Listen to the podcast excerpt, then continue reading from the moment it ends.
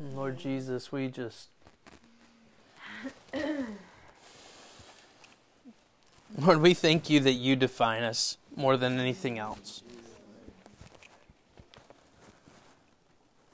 So, Lord, I pray that that would echo between our ears, God, that would echo deep in our spirits, Lord. Louder than the lies, louder than anyone else's voice, but Lord, how you define us and that we are who you say you are, who you say we are, God. Lord, we lift our eyes to you today. We fix them on you today. In Jesus' name we pray. Amen. Amen. So, um, it's been a while since I actually taught. We've been doing discussion and then we've been out a little bit. So I was a little eager to teach. And then um, if you're doing the reading, uh, the daily reading, um, hopefully some of you guys read through the Bible this year. That'd be awesome if you did. If not, guess what? There's another year starting in just a couple days. Um, but the uh, we're just a few. We're in the end of Revelation, right? And um, always. Uh, growing up was fat, infatuated with the teaching of Revelation and some of that stuff. But then as I'm processing it now, basically we could read Revelation and all of us go, I don't know. I don't I don't get it. I don't know. And any assertion that I might have, unless it's straight from the Spirit of God, there's no clue, right? Um, I, I, for the longest time ever, whenever in Revelation it talks about the uh, the stars falling, always thought it was nuclear holocaust. Like John was seeing something that he could only describe as stars falling from heaven, but ultimately was like nuclear war taking place. Right? Like he could be seeing things. There's even a picture of, or there's even a moment where he talks about the image of the antichrist being everywhere and like obviously we would think that would be television or the internet or something like that like he would see those things but not really know what it is all that's a stretch right and does that get me closer or farther from jesus no it's really just neutral mm-hmm. right so when i read revelation i really want to pick out what's the lord saying to me and how can i see more of jesus mm-hmm. right understand more of Jesus. And so, the crazy amount of reading that we've done this year from Genesis 1 to Revelation 22, I'm going to be in Revelation 22 today. And so, if you have your Bibles, turn to the very last chapter. All right, fellas, I love you, but you both got to sit up. I'm not I'm not that great of a communicator to even let you lay down and stay awake. So so everything you know, just somebody say something crazy that happens in Revelation. Short and sweet. Do what? The lamb's the only one that can open the scroll. Same thing. It's oh, brothers. Yeah, brothers. Uh, yeah, the, all the prayers of the saints are gathered. This thousand year thing that we really don't understand new heaven, new earth. And John sees it John sees the new heaven arriving and the new earth arriving and the old passing away. Like, what does that look like, right? Dragon, lady. The la- dragon, the horse. Yeah, horses. The yeah, Jesus has a name written on him no man can pronounce. Mm. I love that. I've actually done study on that before. Did you know that Yahweh is the word that the Jewish rabbis would pick up a different pen to write down. They would never say it because they were concerned that they might be using it in the wrong context, thus in vain. And the, if, if you go look in the Hebrew, it's nothing but silent letters. If you go read the word Yahweh, it's nothing but silent letters. And Jehovah, they literally have taken the vowel sounds from Jehovah and applied it to Yahweh, and that's how we get the name. But really, there is a name that no man can pronounce, mm-hmm. and it there is, I can't even try to pronounce it because it's nothing but silent letters. Mm-hmm. This concept of incredible victor, the throne, the last chance, You know, all these things that happen in Revelation. I love watching uh, war movies and especially historical context war movies. And usually there's a moment where something dramatic happens and they try to pull you into it so that you experience it. And most movies like that, even in the Avengers and stuff, they'll have a scene where something will blow up and then they'll do this weird and it feels like your ears are ringing. Mm-hmm. It's like Revelation 21, mm-hmm. where all the stuff is still settling in the sky. But there's this moment of stillness after all the crazy that's happened. In Revelation 20, 20 and 20, uh, 21 and 22, there's this moment of stillness. Jesus has had the judgment. And we actually just read that this morning. Where he judges them based on if they're the lake of fire and, and their works, and they get thrown into the lake of fire, and Satan gets thrown into the lake of fire, and the Antichrist and the beast get thrown into the lake of fire. And all this final judgment's taking place. And I love in Revelation 21, I actually just read it at uh, Philip's grandfather's funeral. No more sorrow, no more tears. And then Jesus says this It is done. I'm the Alpha, the Omega, the beginning and the end. This isn't well done, good and faithful servant. This is final, the final, the final. And Jesus says, It is done. If you ever think of Alpha and Omega, you don't think of yourself being in the middle. Alpha and Omega, it's like A to Z. If I were to say, Jesus is the A to the Z, you don't think of yourself as the Q, right? You don't think of yourself as the L, somewhere in the middle. We interact with God on our own terms of Alpha and Omega. I was born and then I'll die. And Jesus has been there the whole time. Let me pull that beyond us for a moment and speak to all humanity and say that He is the Alpha and Omega of all things. Now, as I was processing that this past week, my, many of you know I've shared with you before my mother for the last 15, 20 years. Mm-hmm. You know what? I think it just started when Anne entered the family. So um, we do the big Christmas thing. We do Christmas breakfast, and then you have the Christmas dinner that's at two o'clock for some reason. But we do the Christmas or like late lunch, early dinner kind of thing, and we all sit down for this nice formal dinner. And sitting at our plates, we all can eat a whole bunch of food, and then as we're like opening belts and stuff like that, um, there's this nice little wrapped gift and we open it when it's our turn and my mom goes around and says whose turn it is we open it and it's a gift based on something specific. And it's a blessing that she's praying for us for the next year. Here as i'm as i'm as i'm sharing it i'm going to grab this. Yeah well here where is it?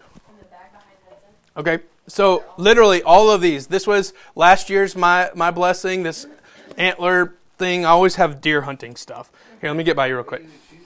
Yeah yeah so my mom always has these special blessings for us. Well, then my dad caught on and was like, okay, my mom's out doing this and put in the rotation, okay, someone each year has to be responsible for giving a blessing to mom. And so Max had the responsibility this year, and of course we all just lost it, right? Max spent some time with Jesus and prayed on how he could pray for his grandmother and gave her a sweet blessing. But it was funny. I was uh, like not anticipating it.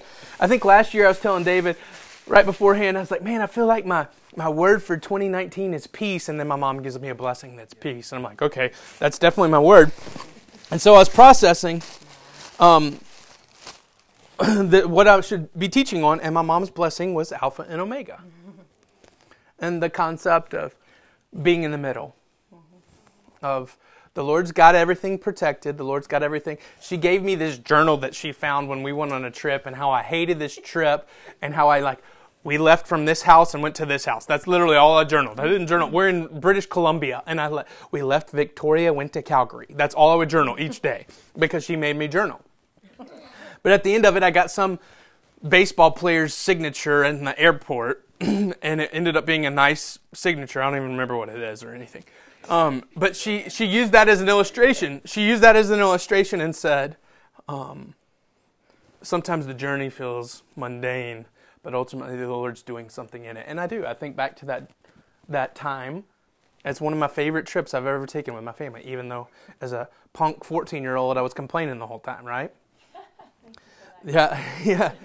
The, the idea of Jesus is our Alpha and Omega, Jesus is everyone's Alpha and Omega. And I started processing that this past week and thought through are there correlations between Genesis 1 and Revelation 22? And in that, I found this.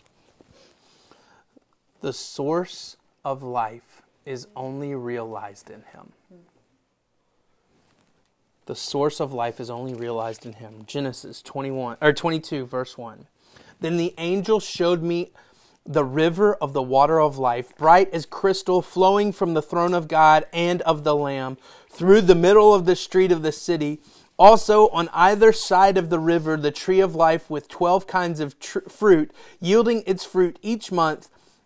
The leaves of the tree were, he- were for healing of the nations. No longer will there be anything accursed, but the throne of God and of the Lamb will be in it, and his servants will worship him. They will see his face and his name will be on their foreheads. And at night, and night will be no more. There will be no need of light of, of lamp or sun, for the Lord God will be their light, and, he, and they will reign forever and ever. And he said to me, These words are trustworthy and true. And the Lord, the God of the spirits and of the prophets, has sent his angel to show his servants what must soon take place. Watch this. What did God create that are our basic everyday needs in Genesis 1? What's our everyday need? Light. What? Water. Water. Food part, like I always say, Food. even in the oils and stuff, like mm-hmm. everything that we use, He gave us natural healing before He brought us here. All right. Breath. Breath, air. Mm-hmm. Watch this. At Revelation 22, the very last book, in the new heaven and in the new earth, in the new city, there's a river. It flows from Him. There's a tree that produces food, and what else does a tree produce? Oxygen. And there's a, there is light. Mm-hmm. And in Him is the source of everything we need. At the point of creation in Genesis 1, when He creates, let there be light, He is creating an alternative source that will direct us back to Him. He is creator in that moment, creator of the source. In heaven, in the new heaven and new earth, He is the source. The problem with a fallen world and a broken spirit is that I convince myself that in life I can have multiple sources that speak to an origin of who I am.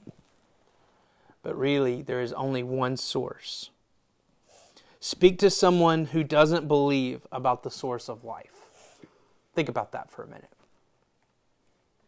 Someone who hates God when we start to speak in the basic terms of where the source of life comes from, they're taking a greater faith step than we are.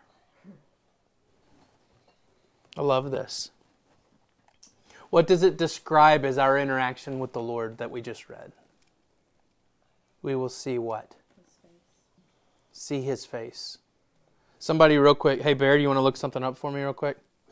I'm picking on Bear. Exodus 33 19.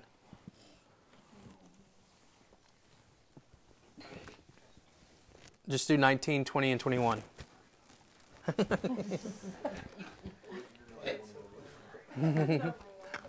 Thirty-three, nineteen. Yeah, 20 and 21.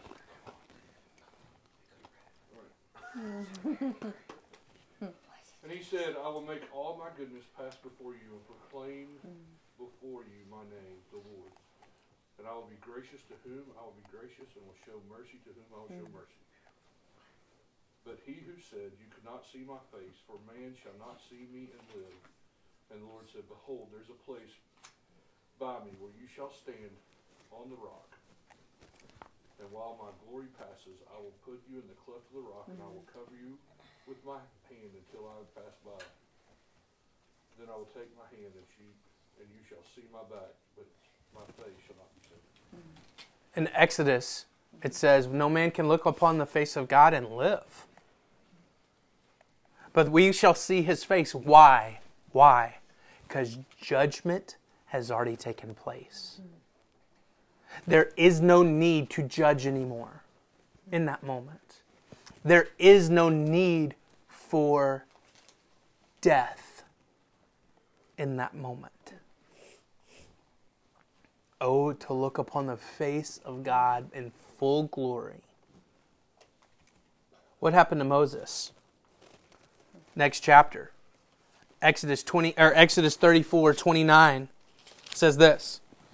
When Moses came down from Mount Sinai with the two tablets of the testimony in his hand, he came down from the mountain. Moses did not know that his skin of his face shone because he had been talking with God. And Aaron and all the people saw Moses, and behold, his face shone, and they were afraid to come near him.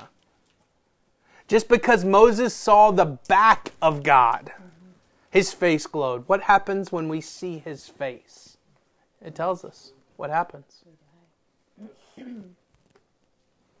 in the moment where there is no judgment, judgment, what happens to our face? You get his name on your forehead.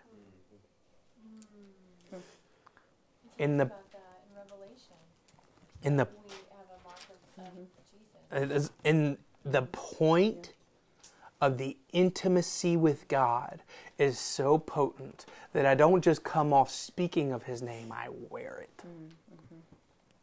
When I speak to God face to face, I carry his name. We worship a God who is the first and the last so that the middle stuff holds into place. And I used to do EE back in the day. And there was this illustration of imagine yourself as a book. The front page is your birth certificate, the back page is the death certificate, and everything in the middle was all the good and ultimately the legalism Baptist, all the bad that you did, right? That was the whole concept, was to convince everybody of how bad we were in the middle. But if you think of a book in this context, if he's the Alpha and the Omega, life has purpose to be held in order. Let me say it a different way. I don't have to hold life in order. That one stings a little bit, doesn't it? I'm not the Alpha and the Omega. I don't need the bookends or create the bookends because he, he is the bookends for me. There's something that shifts when we speak in those terms. There's something that we need to kill when we think about that. Watch this. In Revelation 22, verse 8, it says this. I love this. There's so much weird symbolic stuff happening that John says when he's speaking, the angel says when he's speaking, and then later Jesus says, I Jesus. Jesus they, they try to clarify for all of us because it's so confusing. Verse 8 I, John, am the one who heard and saw these things. And when I heard and saw them, I fell down to worship the feet of the angel who showed me.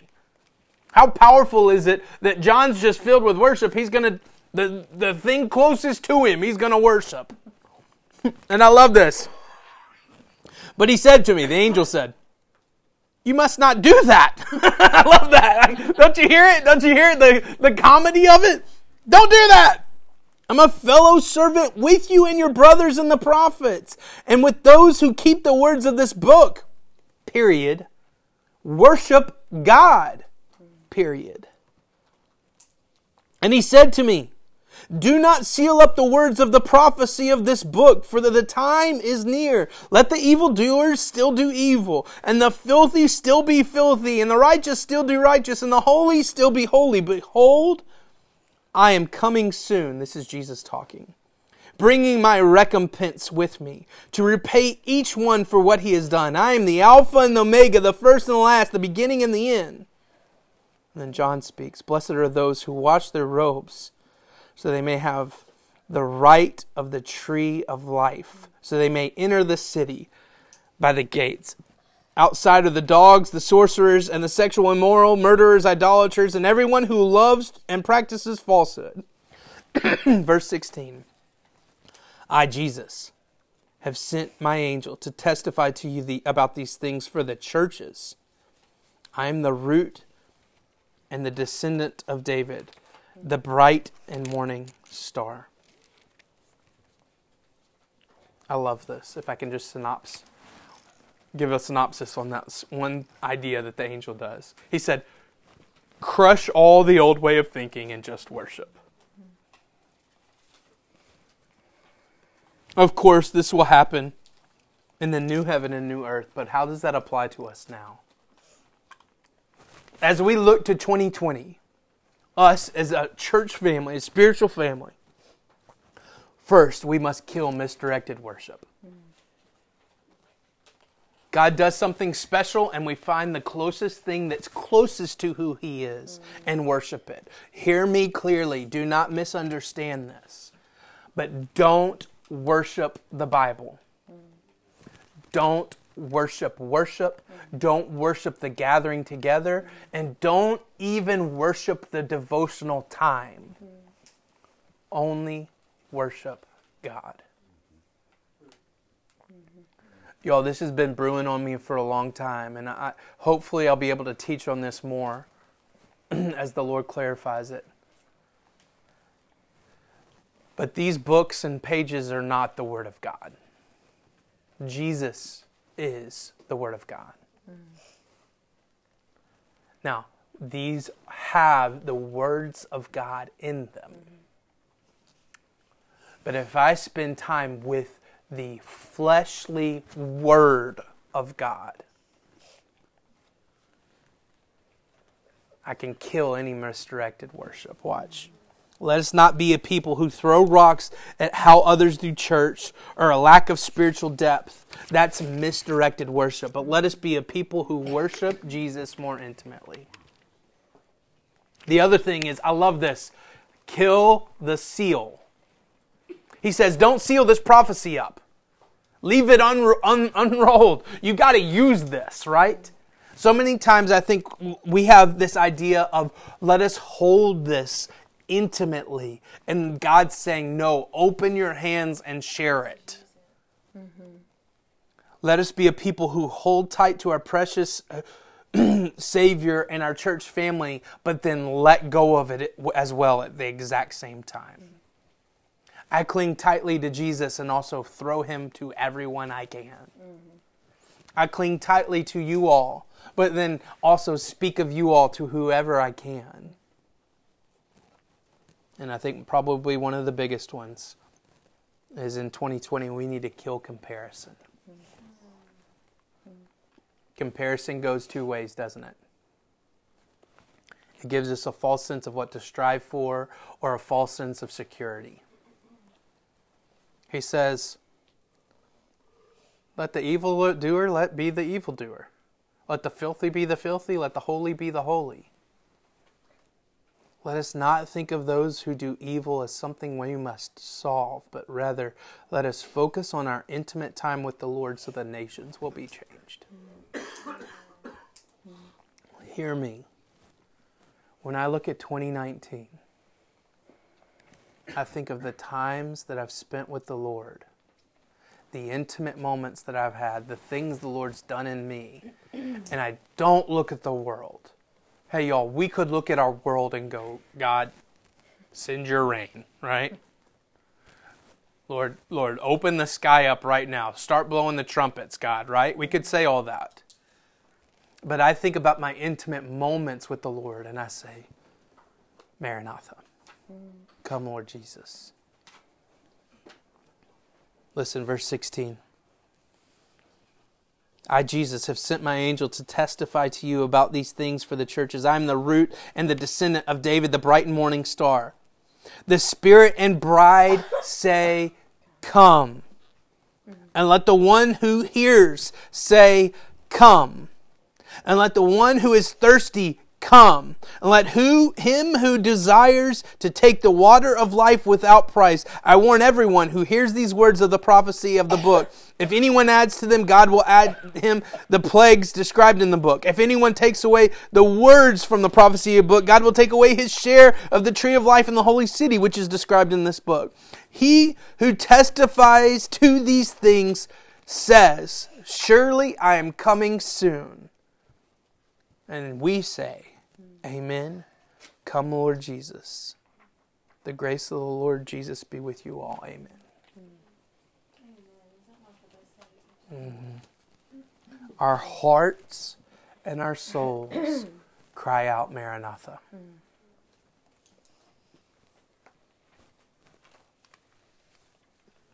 I haven't ever really been away from someone who I deeply love sure I've been on vacation or not vacation. I'm on vacation without my wife, uh, but sure I've been on like a mission trip or been away from her or the kids for a while, and I'm eager to get back. But I'm talking about no communication, mm-hmm. no connection, except a little bit every now and then. But I would imagine the scenario be something like this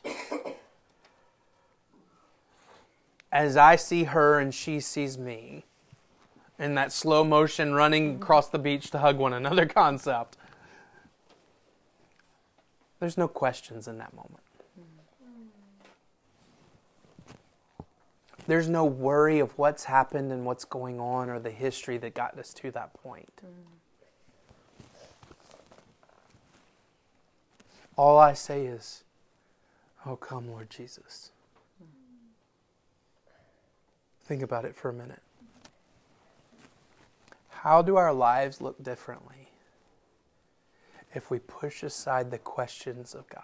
Mm-hmm. If we push aside the worries that we have about ourselves with God? And we just get into the mindset of saying, Come, Lord. Mm-hmm. I just want to be with you.